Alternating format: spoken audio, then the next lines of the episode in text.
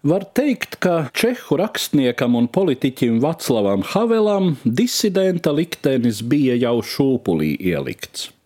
Haveli ir ievērojama Prāgas uzņēmēju un namīpašnieku dzimta, savukārt Vaclava mātes tēvs ir pirmskara Čehoslovākijā zināms publicists un diplomāts. Ar šādu izcelsmi labas attiecības ar pēckara Čehoslovākijas komunistisko režīmu jaunajam Havelam īsti nebija domājamas.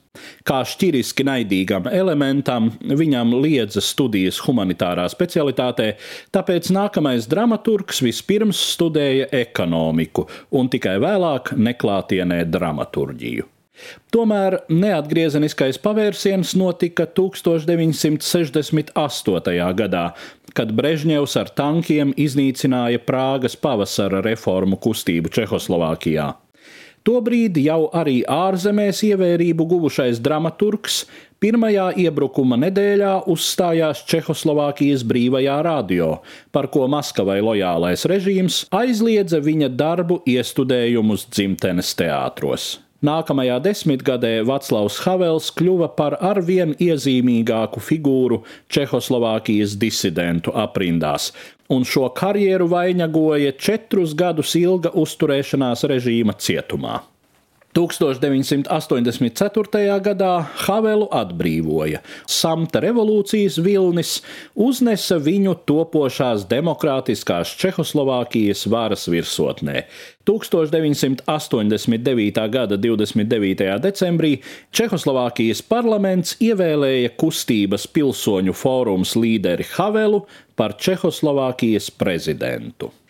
Kā ikvienam jauno demokrātiju līderim, arī Havelam savas prezidentūras laikā nācās saskarties ar kritiku, tomēr viņa vārds nekad nav ticis saistīts ar korupciju, šauru grupu interešu lobēšanu vai citiem tam līdzīgiem skandāliem. Lielākā Havela neveiksme laikam gan bija nespēja saglabāt vienotu Čehoslovākijas valsti. 1992. gadā tieši Slovāku deputātu atteikšanās atkārtot ievēlēt Havelu par prezidentu bija signāls Slovākijas nepārprotamai apņēmībai pamest abu valstu savienību. 1993. gadā Havelu ievēlēja jau par Čehijas republikas prezidentu, un šo amatu viņš pildīja līdz 2003. gadam. Kādā no savām daudzajām publikācijām Vaclavs Havels raksta. Komunistu laikos vairums cilvēku ticēja, ka atsevišķu individu mēģinājumiem panākt pārmaiņas nav jēgas. Diemžēl domāšanas veids, kas balstīja komunistiskās diktatūras, nav izzudis pilnībā. Daži politiķi un mācīti vīri uztur spēkā priekšstatu, ka komunisms vienkārši sabruka pats zem sava svara. Indivīda atbildība un darbība atkal izrādās noniecināta.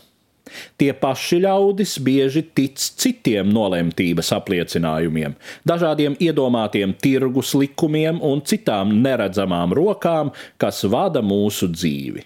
Tā kā šādā domāšanas modelī nav sevišķi daudz vietas indivīda morālai rīcībai, sociālo procesu kritiķus bieži izsmej kā naivus morālistus vai elitāristus. Iespējams, šis ir viens no iemesliem, kāpēc 15 gadus pēc komunisma sabrukuma mēs atkal pieredzam politisku apātiju. Komunisma sabrukums bija iespēja radīt efektīvākas globālas politiskās institūcijas, kas balstītos demokrātijas principos. Ja negribam, lai mūs pakļauj anonīmi spēki, tad brīvības, vienlīdzības un solidaritātes principiem jāsāk darboties globālā mērogā. Bet kas ir svarīgāk par visu, mēs nedrīkstam zaudēt ticību alternatīviem domāšanas un pilsoniskas rīcības centriem sabiedrībā.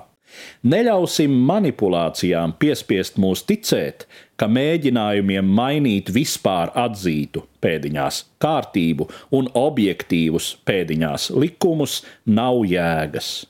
Paliksim stingri savā pārliecībā, ka politika nav tikai varas tehnoloģija, bet ka tai nepieciešama arī morāles dimensija. Stāstīja Eduards Liniņš.